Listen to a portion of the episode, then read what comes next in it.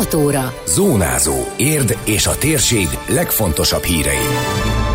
Koronavírus, az érdi járványhelyzetről nyilatkozott a polgármester, ingyenes oktató videóval ápolók átképzését segíti egy érdi cég, holnap éjfélig lehet jelentkezni a Körösi Iskola labdás és kézműves osztályába. Köszöntöm Önöket, Szabó Beáta vagyok. Ez a Zónázó, az Érdefem 113 hírmagazinja, a térség legfontosabb híreivel. Érdet elkerülni látszik egy tömeges fertőzöttség, fogalmazott a polgármester az értévének adott helyzetértékelésében. Csőzik László a párbeszéd külön kiadásában arról adott tájékoztatást, hogy az elmúlt egy hónapban 27 érdi esetében mutatott pozitív eredményt a koronavírus teszt.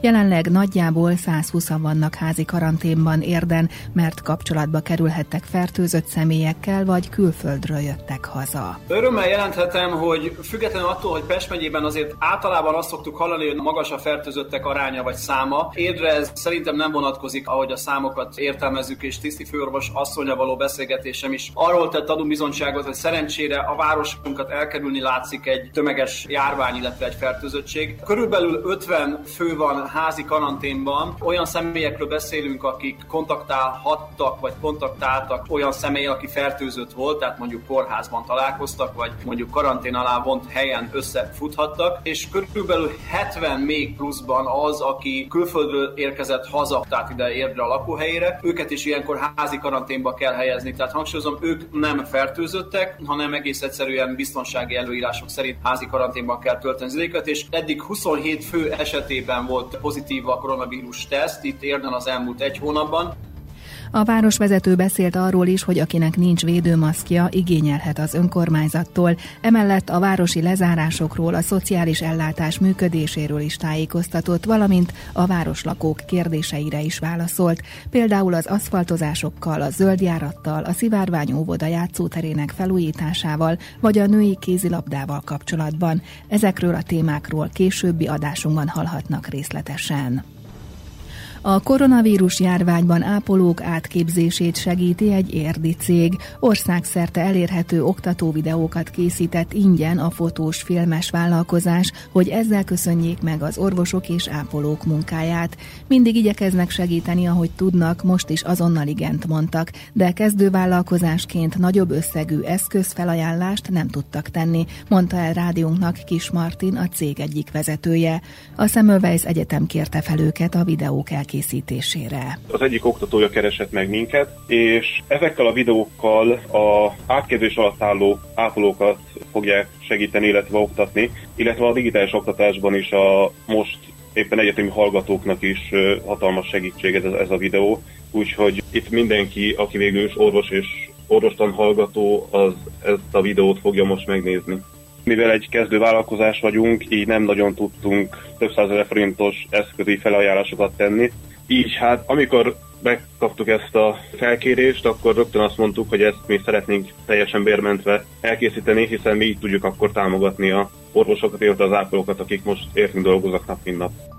Az 5-10 perces oktató videókból fél tucatnyit készítettek most, ezek mindenki számára elérhetőek lesznek, tette hozzá Kis Martin. Mindenféle orvos tudományi dologról volt igazán szó, nem csak feltétlenül a koronavírusos betegek ápolásáról vettünk fel felvételeket, azonban fognak olyan részek a videóba belekerülni, ahol kifejezetten a koronavírusos betegek ellátásáról is lesz szó.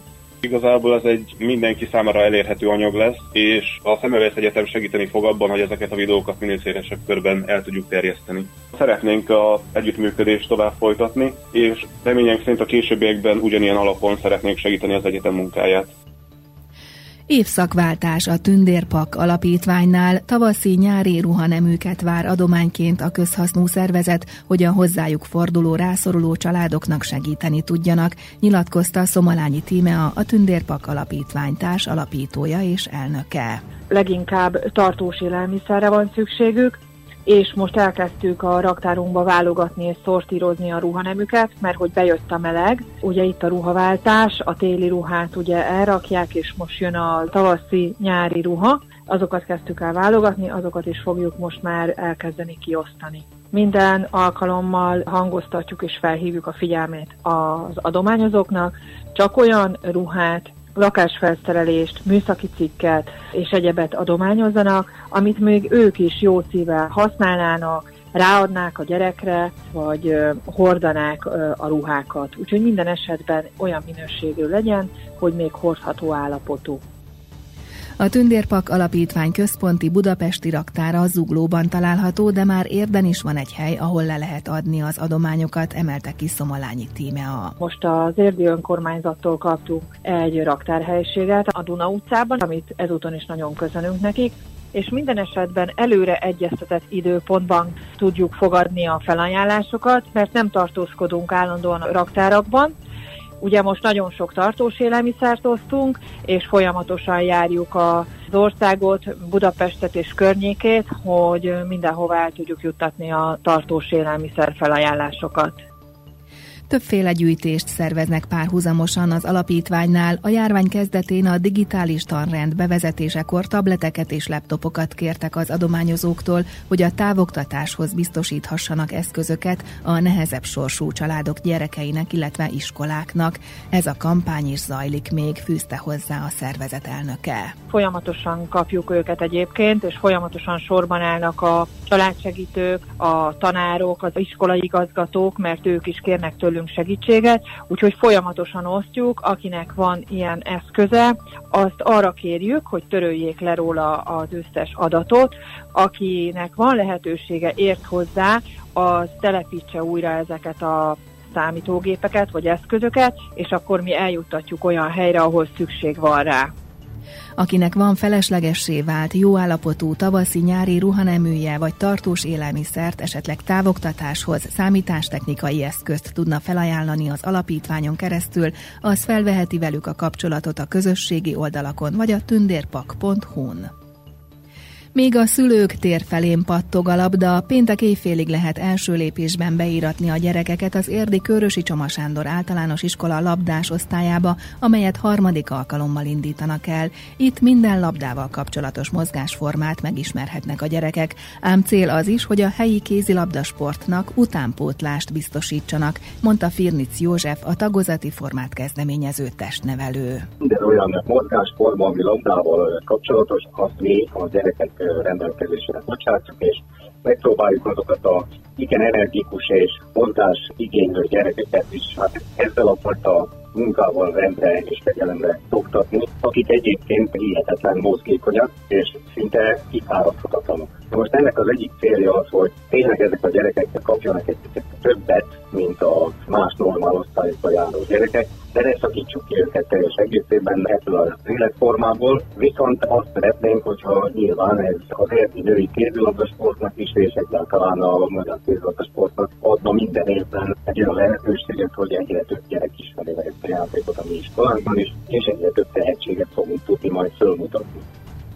Firnis József kitért arra is, hogy a következő tanévtől két részre bontják az eddig csak a sportra koncentráló osztályt, így a labdás mellett elindítják a kézműves osztályt, ahol kézügyességi foglalkozáson vehetnek részt a tanulók emelt óraszámban.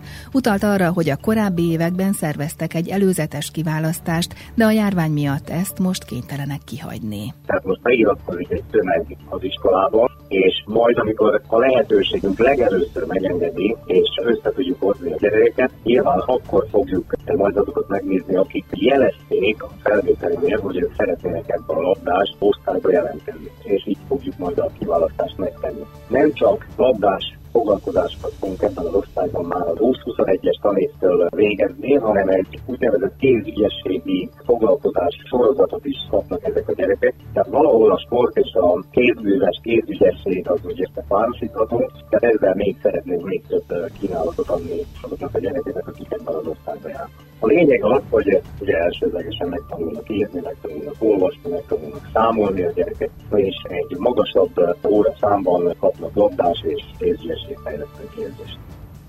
A labdás osztályjal kapcsolatos tapasztalataikról Firnic József azt mondta, alaposan felépítették a rendszert egészen a nyolcadik osztályig. Kitért arra, hogy a második osztályosok már a Magyar Kézilabda Szövetség versenyrendszerében is szerepelnek, a harmadikosok pedig a Suli Kézi Fesztiválon vesznek részt.